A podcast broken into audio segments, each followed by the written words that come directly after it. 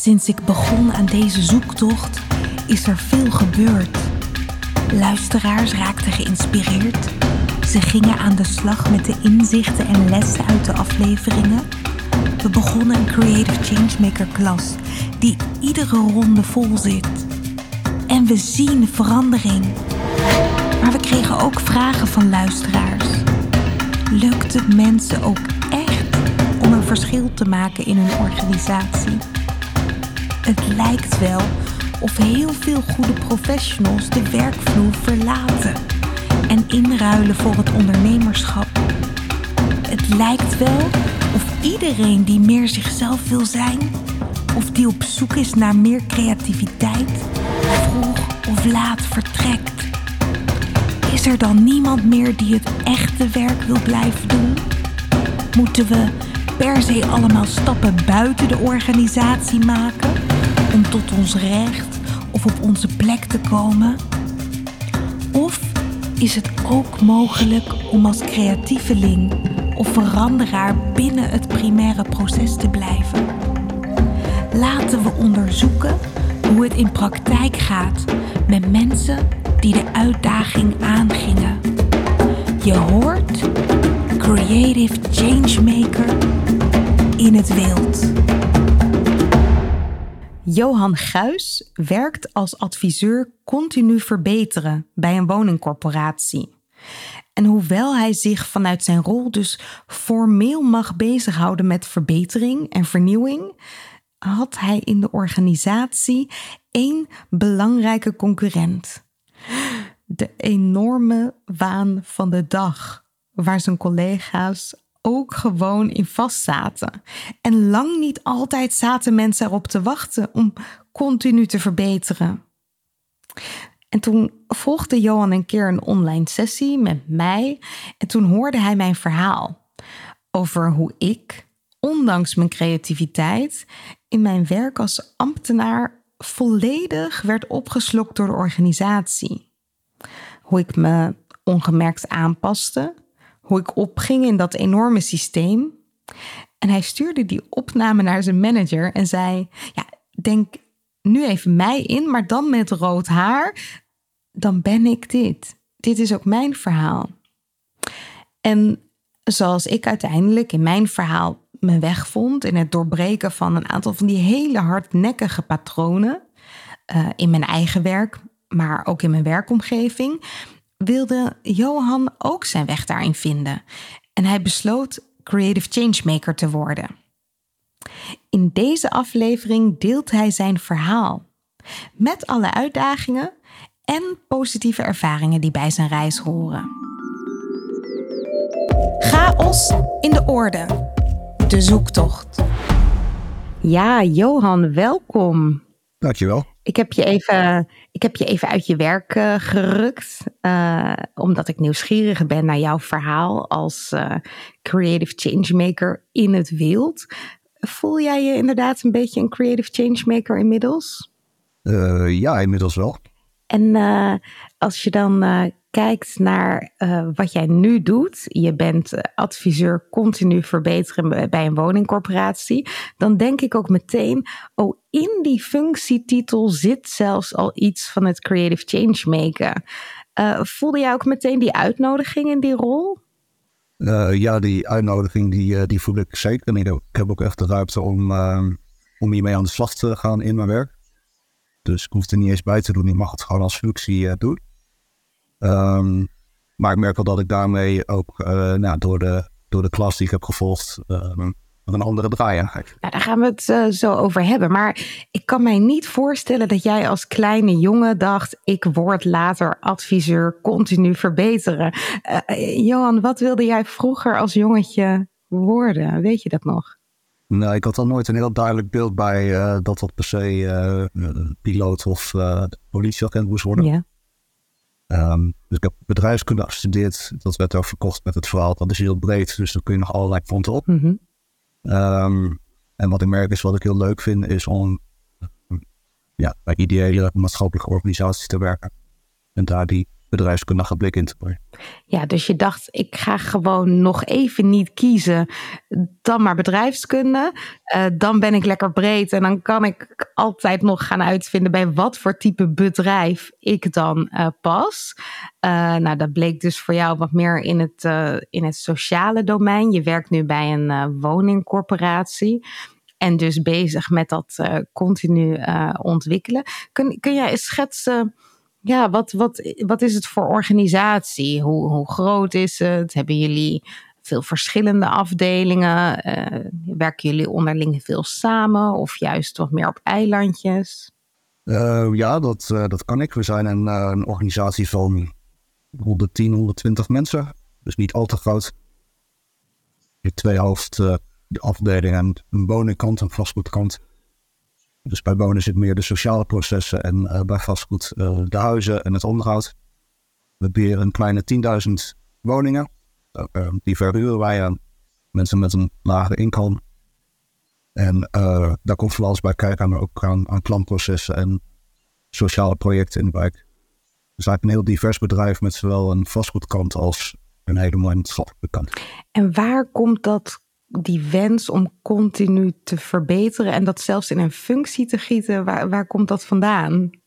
Ja, we willen het uh, natuurlijk graag goed doen als, als woningcorporatie, zowel voor de klant uh, als voor onszelf. Dus we willen graag dat de klantprocessen die we hebben, dat die prettig zijn, dat we daar ook uh, voor gewaardeerd worden, dat we dat trots op mogen zijn.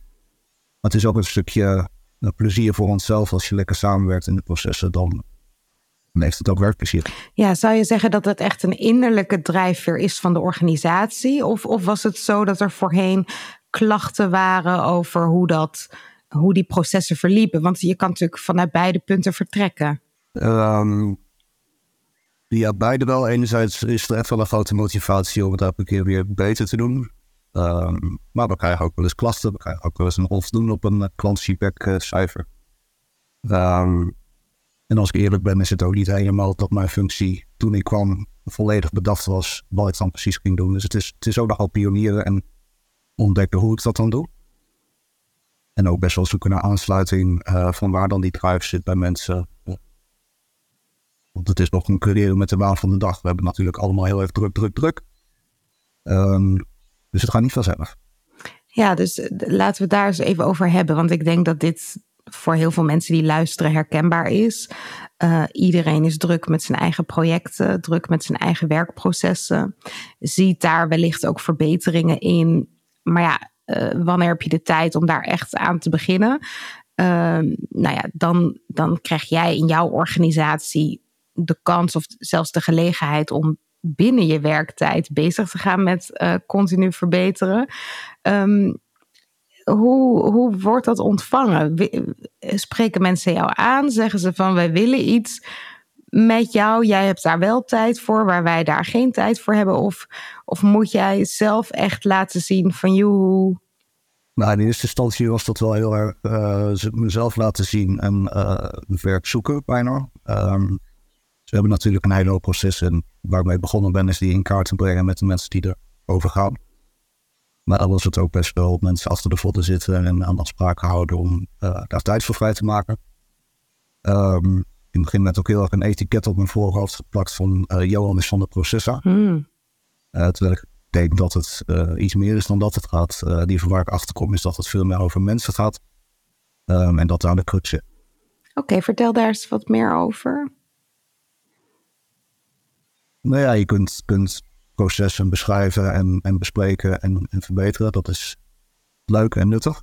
Maar uiteindelijk zijn het de mensen die uh, het in hun dagelijks werk uh, anders moeten gaan doen. Uh, die vaak gewend zijn om dat op een bepaalde manier te doen. Die het heel fijn vinden om het op hun eigen maniertje te laten zijn. Um, en dan kun je op papier kun je allemaal leuke verbeteringen bedenken en aanwijzen waar het anders of beter kan. Maar staat of valt met het gedrag van mensen. En ja, de eventuele weerstand die daarachter zit. Dus dat is wel iets waar je dan tegen aanloopt als je als blije continu verbeteraar mm. uh, uh, op de werkvloer komt. Uh, je bent ook een beetje een outsider en, en zelfs iemand waarvan het soms zoiets hebben van, hey, daar heb je hem weer van continu verbeteren. Laat mij gewoon ding doen. Ja, oh help, we moeten nog iets extra. vaak vaak is dat natuurlijk ook de, de angst die mensen hebben. Dat verbeteren uh, niet zozeer betekent dat de huidige processen direct beter worden. Maar dat verbeteren in eerste instantie een heel proces is naast uh, alle lopende uh, processen. Ja, over het algemeen kost het eerst even tijd voordat je ervaart dat het beter is dat ook het verhaal waarmee jij mensen probeert te verleiden om toch, toch met jou mee te gaan?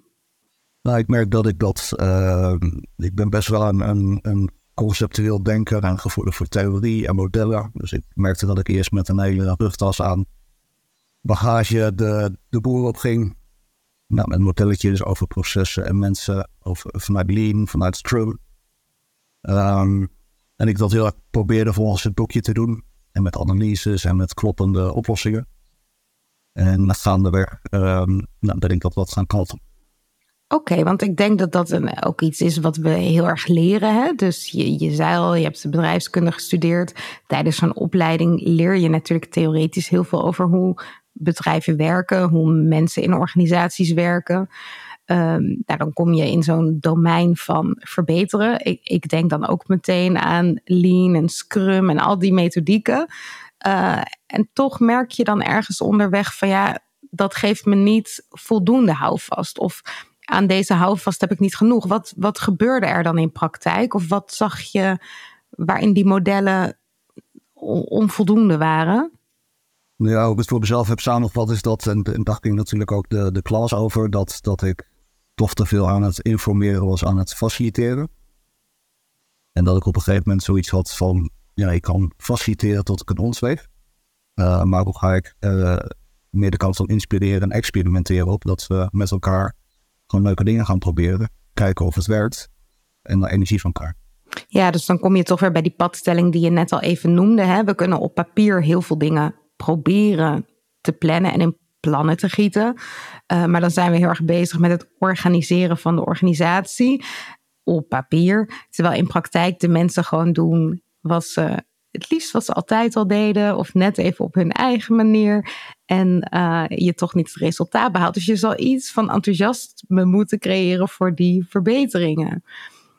Exact. Ja, en, en, en uh, Oké, laten we het stapje maken. jij bent op een gegeven moment uh, de Creative Changemaker klas bij ons uh, gaan doen. Meestal bespreek ik dit altijd wat verder in het gesprek, maar ik denk wel dat het relevant is. Um, jij kwam bij ons in de klas en toen hebben we daar eigenlijk een perspectief tegenover gesteld. Hè? Van je kunt bezig zijn met het organiseren van de organisatie op papier. Of je kunt door zelf de dingen anders te doen, soms ook een rolmodel worden voor mensen in je organisatie. Um, wat zijn bijvoorbeeld dingen waar jij voor jezelf toen veranderingen in bent gaan aanbrengen? Nou ja, wat ik al deed wel was, was dat rolmodel proberen te zijn als het gaat om uh, als spraken nakomen, overal op tijd komen, daarom het goede voorbeeld geven. Mm -hmm. uh, en dan hoop je dat wat overslaat. Um, wat ik er meer bij ben gaan doen is, um, ik sta vaak voor groepen, ik geef vaak creatieve sessies, workshops. Um, om die een betere structuur te geven. Om daarin ook uh, meer ruimte te geven aan weerstand die soms langskomt. Uh, eerder had ik de neiging om daar uh, aan voorbij te gaan, nog op een positieve manier omheen te werken. Nu geef ik aandacht aan en ruimte voor om dat te ventileren, zodat mensen dat ook kwijt kunnen. en er niet in blijven hangen. Dus ik, ik merk dat dat te verbeteren is door dat in te bouwen in de sessie. Ja, wat, wat doet ehm, dat? Wat, wat? Nou, dat geeft denk ik dat mensen zich daarin uh, gehoord voelen, begrepen voelen. en dat er niet voorbij wordt gegaan aan alle mogelijke bezwaren die je uh, natuurlijk ook. En um, dan merk ik eigenlijk dat mensen automatisch ook meer uh, in de oplossingenkant mee willen als ze eerst gehoord ja, heel mooi dat je dat nog even zo benadrukt. Uh, dat is ook een van de dingen waar we natuurlijk met elkaar aandacht aan hebben besteed. Dat uh, wat er vaak gebeurt in uh, organisaties of als je een verandertraject moet begeleiden, dat je eigenlijk die weerstand liever niet hoort in het begin. Of je wil het misschien wel horen, maar dan het liefst in een één op één contactmoment, maar vooral niet in een groep. Want stel je voor dat de dynamiek in zo'n groep omslaat, dan ben je natuurlijk helemaal je voorsprong kwijt. En waar wij inderdaad met elkaar naar, naar hebben gekeken is, kun je misschien die weerstand ook op een creatieve manier een plek geven, zodat het niet zo is dat mensen zich allemaal tegen jou of tegen het proces keren, uh, zodat het ook niet is dat er een enorm energielek ontstaat in een groep, maar juist dat je die weerstand kunt gaan omzetten in uh, creatieve energie. Niet iedereen durft dit in praktijk ook te testen, want ja, ga er maar staan. jij bent dat wel gaan doen. Ja, ik ben eigenlijk uh, nou ja, vanuit elke bijeenkomst die we hadden meteen gaan toepassen wat ik daar meekreeg. Dus ik ben als een uh, dolle aan de slag gegaan. Bijvoorbeeld met, uh, met de werkvorm met de zwarte bril, roze bril. Ja, die was super leuk. En het is een hele mooie manier om dus eerst met de zwarte bril het doemdenken bespreekbaar te maken. En daarna met de roze bril in oplossing te denken. Ja, precies. Dus, je, jij hebt een verbeterproject of er is een, proces waar je naar wil kijken. En in plaats van dan meteen inhoudelijk het gesprek aan te gaan, waarbij altijd dezelfde mensen het gevoel hebben: ja, ik word niet gehoord, uh, ze luisteren niet naar me, geef je eigenlijk alle ruimte door iedereen in de groep een zwarte bril op te zetten. Uh, en dat kan letterlijk een zwarte bril zijn, dat kan figuurlijk een zwarte bril zijn. En dan inderdaad gewoon ruimte te geven aan alle zorgen, aan alle vragen, aan alle weerstand. En dan vervolgens met de roze bril doe je eigenlijk hetzelfde. Maar dan merk je dat mensen automatisch ook bereid zijn om mee te gaan in dat gedachtesprongetje. Zelfs al hadden ze daarvoor misschien nog angsten, zorgen, weerstand. Um, ja. Nou, wat wel, wat wel grappig was, is dat, dat we tijdens die oefening, dat tijdens het zwarte brilmoment, um, mensen op een gegeven moment al in, in, in oplossingen begonnen van ja, maar uh, dat kunnen we toch anders doen. Dus het, triggerde zelfs om, om de, ze maakte eigenlijk zelf het brugje al naar dat roze bril. Dus dat was wel uh, heel gaaf om te zien. Het is ook wel een mooi effect als je jezelf dan heel erg hoort klagen, als het ware. Dat je op een gegeven moment ook al denkt, ja, dit is niet houdbaar. We komen nu niet verder. Dus dat is ook wel heel leuk dat mensen dat dan in zichzelf al echt die motivatie voelen van, ja, we willen niet stilstaan. We willen wel degelijk een beweging zien. Nou, dat is dan een mooi stukje groepsdynamiek dat mensen elkaar gaan, gaan corrigeren en bevragen. Ja. En, um, tot over het gesprek om naar vooruit te kunnen. Ja, mooi. En dan even terug. Hè. Je zei voorheen zou ik dat hebben aangepakt door bijvoorbeeld modellen te presenteren, door het uh, toch wat meer aan te pakken met een stappenplan, zoals ik dat uh, op papier heb geleerd. Um, ja, wat, wat, wat is voor jou zeg maar de, de grootste meerwaarde geweest voor jouzelf in dit proces? Um, nou, sowieso dat ik, dat ik door het anders te doen en, en zelf weer vol in de experiment, experimenteerstand uh, te kruipen zelf veel meer plezier aan beleef. Um, dat ik merk en ook vaak terug hoor dat, dat mensen dingen die ik doe, die bedrijven het maar leuk vinden. Dus er zit andere energie in. En daar niet zowel, zowel ik zelf als uh, mensen om mij heen uh, niet, daar denk ik van. Ja, want energie is ook, kan heel besmettelijk zijn. Hè? En dat kan twee kanten opwerken. Dus als jij natuurlijk zelf heel erg uh, uh, de dingen lastig vindt of uitstraalt, dat het heel ingewikkeld kan worden, verandering, ja, dan, dan, dan is die energie best wel besmettelijk. Maar andersom werkt het natuurlijk ook zo. Als jij uitstraalt dat werken leuk kan zijn, dat het energie kan zijn, dat werken aan verandering ook best wel met horten en stoten mag gaan, dat je mag experimenteren, krijg je natuurlijk ook andere, andere reacties uh, om je heen. Zeker, dat is, uh, nou, vind ik ontzettend leuk om te merken dat je uh, nou, vaker die positieve feedback krijgt. Dat er überhaupt meer openheid is om elkaar feedback te geven en verder te komen met elkaar. Um, dus daar ben ik heel, heel blij mee. En um, ja, het, en het is ook echt leuk om het wat luchtiger te maken. Dus echt dat, dat experimenteren, wat ik al zei. Dus niet het per se kloppend willen doen volgens de methodiek en volgens de feiten die op tafel liggen. Maar meer vanuit, um, vanuit creativiteit, vanuit verhalen vertellen. Dat, dat maakt het wel echt de slag leuker. En denk jij dat daarmee vooral het proces anders wordt? Of, of krijg je ook ander resultaat daaruit? Nee, je krijgt denk ik um, ook meer commitment. Um, dus waar we eerder vaak bleven hangen in uh, een goed plan. En dan de plan, do, check, act uh, cirkel uh, bij doen al zagen we zelf merk je dat er wat meer energie is om door te pakken op het doel. En dat mensen uh, leuk vinden om in praktijk te brengen wat ze dachten. Ja, en ik kan me voorstellen dat dat dan uiteindelijk leidt tot sneller resultaat of tot ander resultaat. Maar dat zit dus toch heel erg in die aanpak, in die energie die je brengt. Ja, het zit hem denk ik vooral in hoe je begint met elkaar. Uh, dat, dat, en dat kost dan misschien aan de voorkant even een aanloopje om tijd te pakken voor creativiteit. Um, maar dat helpt wel versnellen aan de achter. En nu merkte je in het begin van ons gesprek wel al terecht op ja, dat jij heel vaak vanuit je functie moet concurreren met de waan van de dag. Uh, nu kan ik me voorstellen dat jij in jouw eigen agenda soms ook moet concurreren met de waan van de dag. Dus hoe, hoe ben je dat gaan doen? Dat je echt die tijd hebt vrijgemaakt voor een ander soort aanpak? Um, wat voor mij vooral in zit, is wel een stukje uh, doseren van projecten die ik tegelijk heb lopen. Uh, en dat ook meer te begrenzen met uh, een goed intakegesprek met een leuke template en een goed evaluatiemoment vooraf gepland. Dus ik pak ook heel bewust nu meer de regie op um, ja, hoe lang loopt een project en wanneer sluit ik het af in plaats het maar, van het maar voor te laten kabbelen. Dus dat is iets wat mij helpt om, om me gewoon op een paar onderwerpen tegelijk te richten en daar dan ook de tijd te pakken om het goed te doen. Um, en ik geloof wel even in dat je beter uh, elke maand één ding goed kan doen dan het hele jaar twaalf dingen een beetje. En, en ervaar jij, ervoer jij daar direct de ruimte voor? Of had je wel het idee, oeh, nu ga ik misschien wel een beetje iets stouts doen, dat ik ook nee ga zeggen tegen allerlei dingen. Hoe, hoe, hoe voelde dat voor jou om dat te gaan doen zo? Uh, ik heb op zich veel vrijheid om dat te doen, uh, maar het was voor mezelf natuurlijk wel even zoeken naar ruimte in mijn agenda. Uh, in, in de eerste instantie heb ik eh, elke dag een kwartiertje ingeruimd om te reflecteren op mezelf.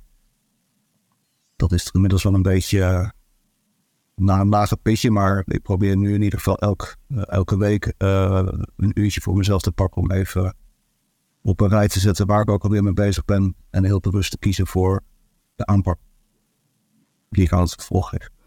Ja, dus je, je kijkt wat, wat speelt er allemaal en dan bedenk je waar maak ik de meeste impact mee. Zeg ik dat goed? Ja, dat klopt. En dan dat, uh, dat voorbereiden van, van zo'n andere werkwijze. Waar, waar haal jij je inspiratie uit? Of hoe, hoe begin je? Um, ik, ik, ik maak veel gebruik van, van, van plaatjes. Um, ik ben zelf ook aan het oefenen met, met tekenen, maar nu is het vaak ook nog gewoon leuke plaatjes zoeken in, in Google. Um,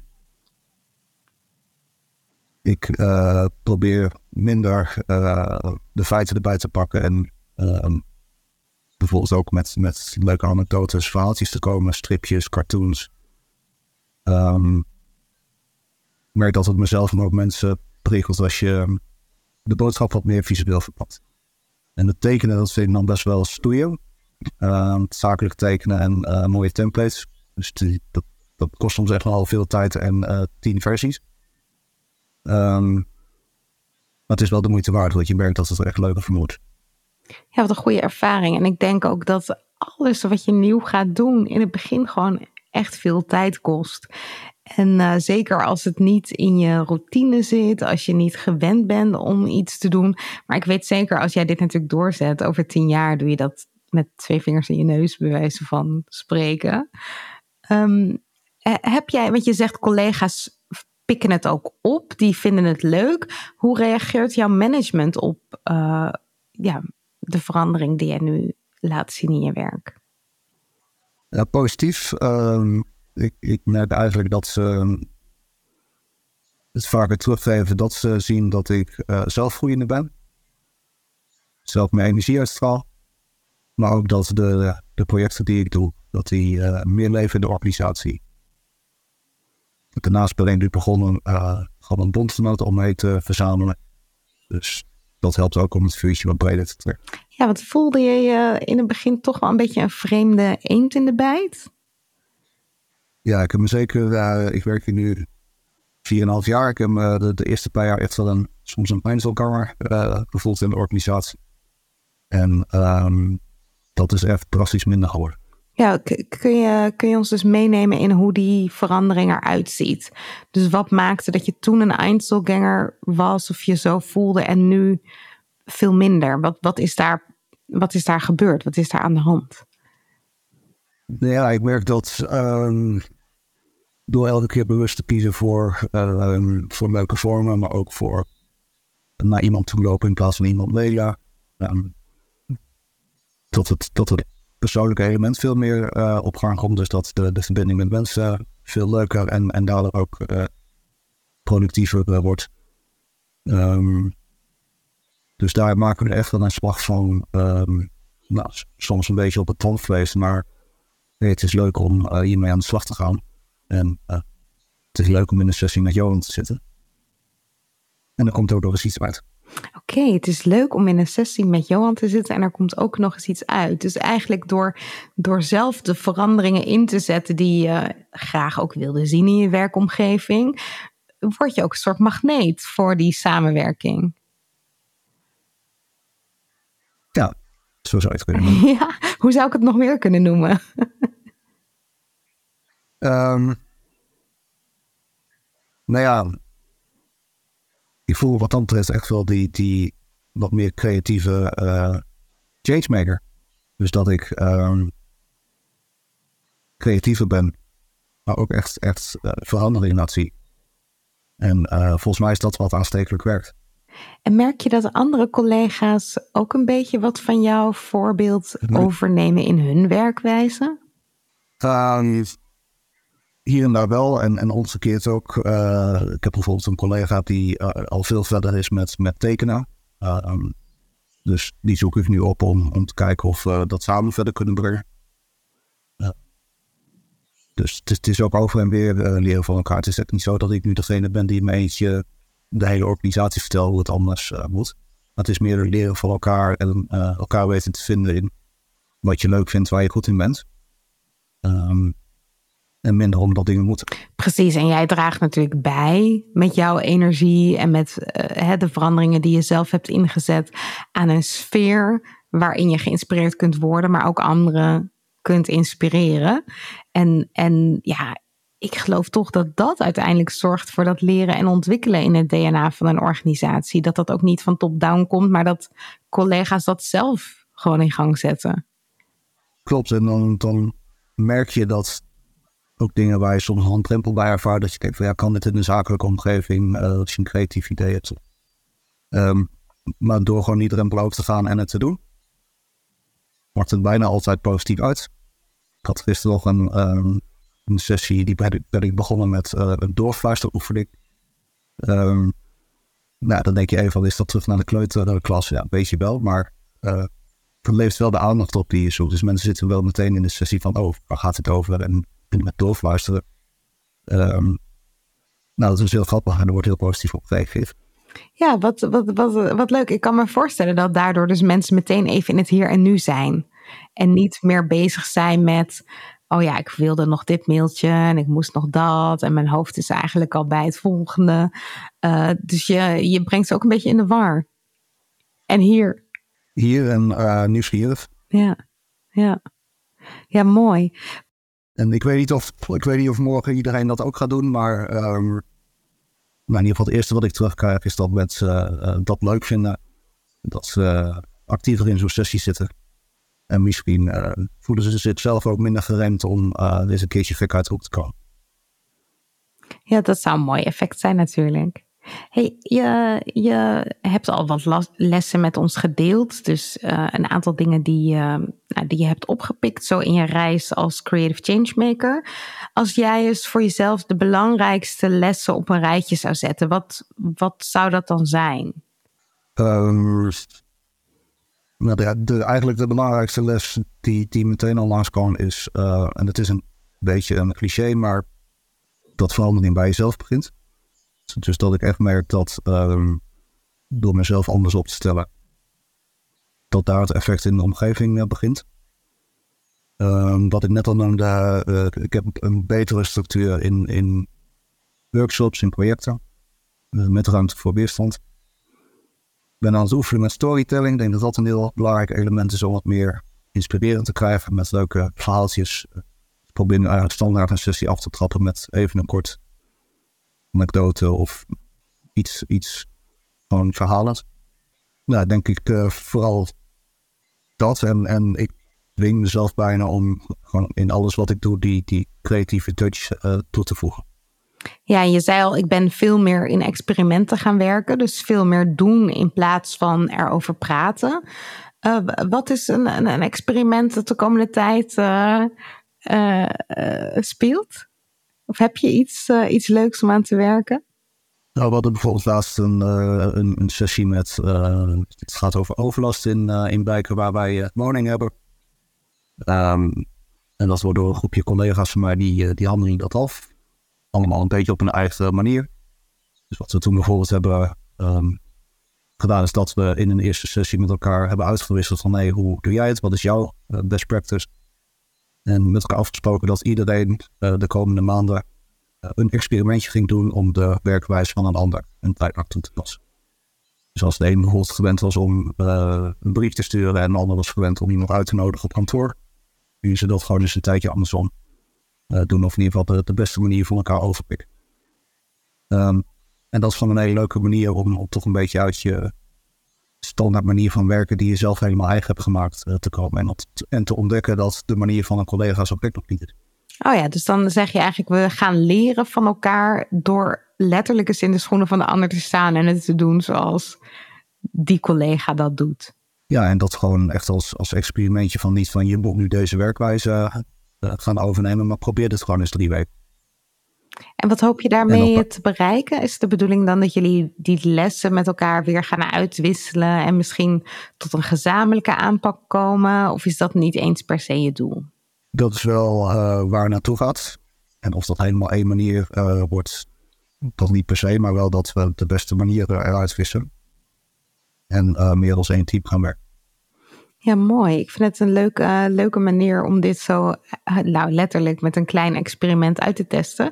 En, en reageerden je collega's daar ook meteen positief op? Hadden ze zoiets van, oh, dat vinden we wel leuk om het eens zo uit te proberen? Of uh, was dat toch een beetje een gek voorstel? Nee, dat ging, ging verbazend makkelijk. Kijk, dat hoor ik natuurlijk heel graag. Hey, je zei ook net van ik ben in sommige dingen echt nog wel zoekend, want ik geloof heel erg in de kracht van beelden. Ik wil ook graag veel visuele werken, maar dat, dat zakelijk tekenen moet ik bijvoorbeeld echt nog wel onder de knie krijgen. Dus ik, ik, ik vind ook nu mijn, mijn, mijn eigen maniertjes. Ik, ik denk dat dat trouwens ook altijd de beste is om gewoon je eigen manieren daarin uh, te vinden. Um, wat zijn nog meer dingen waar je zoekende in bent, waarvan je zegt van oh ja, daar, ik heb nu al wel wat stappen gezet, maar uh, daar zou ik me echt nog wel wat meer in willen verdiepen of meer in willen ontwikkelen. Ja, voor mij is het vooral uh, ook alles wat ik de afgelopen tijd heb meegekregen vanuit dit werk, maar ook nog vanuit de andere project wat ik heb lopen. Dat ik dat allemaal uh, razend interessant vind en meteen wil toepassen. En, um, en, dat heb ik de afgelopen tijd gedaan. Ik zit nu een beetje in de fase van oké, wat pik ik eruit en ook het fijnslijpen van die nieuwe gewoontes, zodat ze beknuiven en dat ik het volhoud. Um, dus het is nu nog een beetje, of het is nu nog een hoog improviseren. En ik ben wel de zoeker naar mijn eigen routines daarin, zodat het ook weer wat, wat minder van je uh, wilskracht en denkkracht kost om het elke keer weer over die boek te gooien. Ja, want dat is natuurlijk met alle nieuwe gewoontes. Dat in het begin moet je het inderdaad wel een beetje hebben van wilskracht om echt die tijd vrij te maken, om dan die nieuwe aanpak te introduceren. En je hoopt natuurlijk wel dat het op een gegeven moment wat meer je, ja, je tweede of misschien je eerste natuur wordt.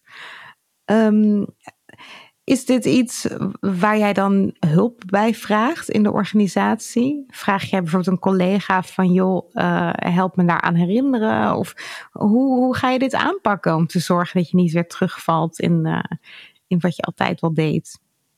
Um, eigenlijk twee dingen waar we de laatste tijd veel mee bezig zijn, is um, elkaar meer uh, feedback geven, maar ook vragen. Dus ik, vraag gewoon veel om me heen om feedback. Wat vond je ervan?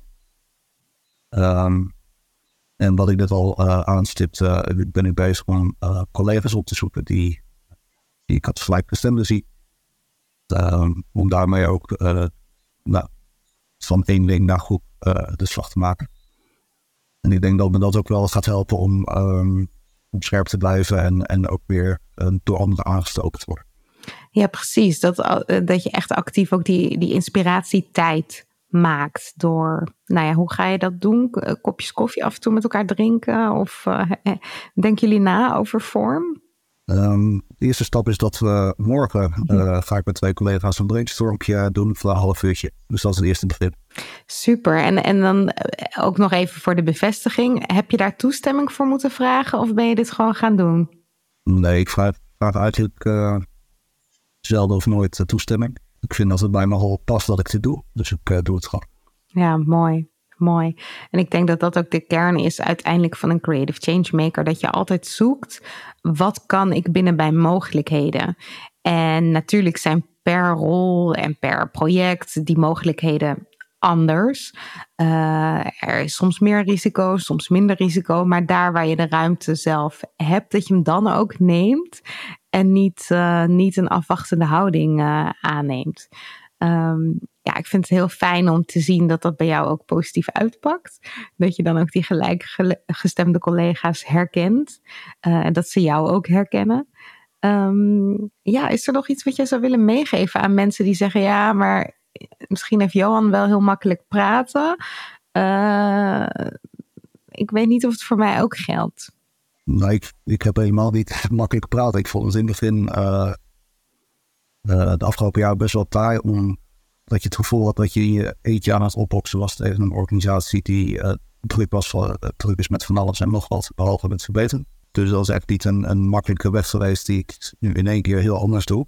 Maar door gewoon klein te beginnen en de ideeën die je hoort gewoon te durven toepassen, kan volgens mij iedereen een, een weg inslaan ehm, waarbij je weer lekker aan het leren en uh, groeien bent.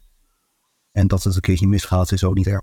Je zei uh, in het begin van goh, ja, als, als jongetje, ik wilde niet per se iets worden, geen, niet per se piloot, niet per se politieagent. Denk jij dat uh, de, de kleine Johan, als hij nu naar jou zou kijken, zou zeggen: hey, nou, lekker bezig, Johan? Wat een mooie vraag.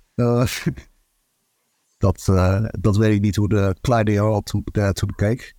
Um, maar ik denk wel dat Johan uh, lekker bezig is. en lekker doorgaat op deze weg. Mooi. Mooi. En misschien is de kleine Johan er ook wel weer een beetje meer bij. nu jij wat vaker aan het spelen bent in je werk. Wie weet. Ik, ik merk in ieder geval wel dat, dat nou, door bezig te gaan met, met, met die creativiteit en door humor in te brengen. Um, ja, dat je wel weer dingen uit jezelf naar boven haalt. Waarvan je nu ziet van ja, maar vroeger deed en was ik dat ook. Maar dat heb ik de afgelopen jaren uh, weinig laten zien. Dus dat is wel iets wat gewoon heel fijn voelt. Dat je het gevoel dat je dichter bij jezelf zit. En meer geniet van je werk. Mooi, dankjewel. Graag gedaan, leuk. En bedankt voor alle wijze les van de afgelopen tijd. Chaos in de orde. De zoektocht. Organisaties willen wel veranderen, ook in hun cultuur, echt. Soms stellen ze zelfs een adviseur continu verbeteren in, of een innovatiemanager, of een andere rol waarmee een beweging wordt gemaakt richting dat verlangen om het op bepaalde vlakken beter, anders, sneller, vernieuwend te doen. Maar dat jij zo'n rol krijgt, betekent niet dat het direct makkelijk wordt om dingen in beweging te krijgen. Het verhaal van Johan laat op een hele eerlijke manier zien hoe ingewikkeld het is om in het oude bestaande systeem iets nieuws te doen. En dan kun je nog zoveel methoden leren of modellen toepassen, zoals Lean en Scrum, maar daarmee ben je er niet. Die houvast is niet genoeg in praktijk. Er is iets anders nodig. De juiste energie, de juiste commitment, onderlinge verbondenheid tijdens het verbeteren of veranderen. En ik vind het echt heel gaaf om te zien wat Johan heeft gedaan. Hij heeft zichzelf letterlijk voor een blok gezet. En op basis van wilskracht direct in praktijk gebracht wat hij leerde in de Creative Changemaker Class. Ook al kostte dat dus veel tijd en moest hij nee zeggen tegen andere dingen. Het had wel een positief effect. Want nu vinden mensen het leuk om met hem te werken, met hem samen te werken. En zo komt er dus meer voor elkaar. En uiteindelijk is dat denk ik de grootste opsteker voor mensen om inderdaad continu te blijven verbeteren. Dat ze in praktijk zien, maar vooral ook voelen dat er echt iets met die ideeën, met hun tijd, met hun energie gebeurt. Iets positiefs. Wil jij ook op zoek gaan naar hoe jij binnen jouw organisatie zo'n verandering teweeg kunt brengen? Nou ja, dat hoef je dus niet alleen te doen. In de Creative Changemaker klas ontmoet je gelijkgestemden uit allerlei organisaties. Mensen die net als jij een beweging willen maken in hun werk, die hun impact willen vergroten, die meer creativiteit, meer energie willen ervaren. En in een traject van een half jaar stomen we je klaar om dit ook echt te doen. Als je nieuwsgierig bent, kijk dan even op chaosindeorde.nl en dan zie je rechtsbovenin een knop naar de Creative Changemaker klas. Nou, de eerstvolgende lichting start pas in januari 2024. Je kunt je wel alvast aanmelden. Maar in de tussentijd kun je op 24 november 2023 dus naar Chaos in de Orde het Werkfestival. Dat is één keer per jaar één kans per jaar om naar dit zinnenprikkelende evenement te komen waar je creativiteit echt een enorme boost van krijgt. Dit jaar nemen we je mee op innovatiesafari. We gebruiken de natuur als inspiratiebron voor verandering. En onderweg tijdens die safari ontmoet je topsprekers en beland je in praktische, inspirerende workshops. Johan en zijn collega's zijn er ook. En ik zou het heel leuk vinden om jou daar ook in het wild tegen te komen. Dus ehm, zullen we afspreken? Tot dan dan? Creativiteit, innovatie. Het lijkt omgeven door een mysterieuze mist. Een geheim voor briljante breinen en getalenteerde kunstenaars. En toch, het moet toch voor iedereen toegankelijk zijn? Aflevering voor aflevering graaf ik steeds een stukje dieper. Ben jij enthousiast? Abonneer je dan op deze podcast en laat een review achter in de app waarmee je luistert. Hoe meer reviews we ontvangen, hoe meer mensen deze podcast kunnen vinden. Zo zorgen we samen voor meer chaos in de orde. Wil jij zelf chaos in de orde brengen? Download dan gratis het e-book Chaos. 10 manieren om patronen te doorbreken. Je vindt het op chaosindeorde.nl slash podcast. Deze podcast wordt je aangeboden door Huis van Verbeelding. Het bedrijf voor zakelijke creativiteit. Tot de volgende keer en veel chaos!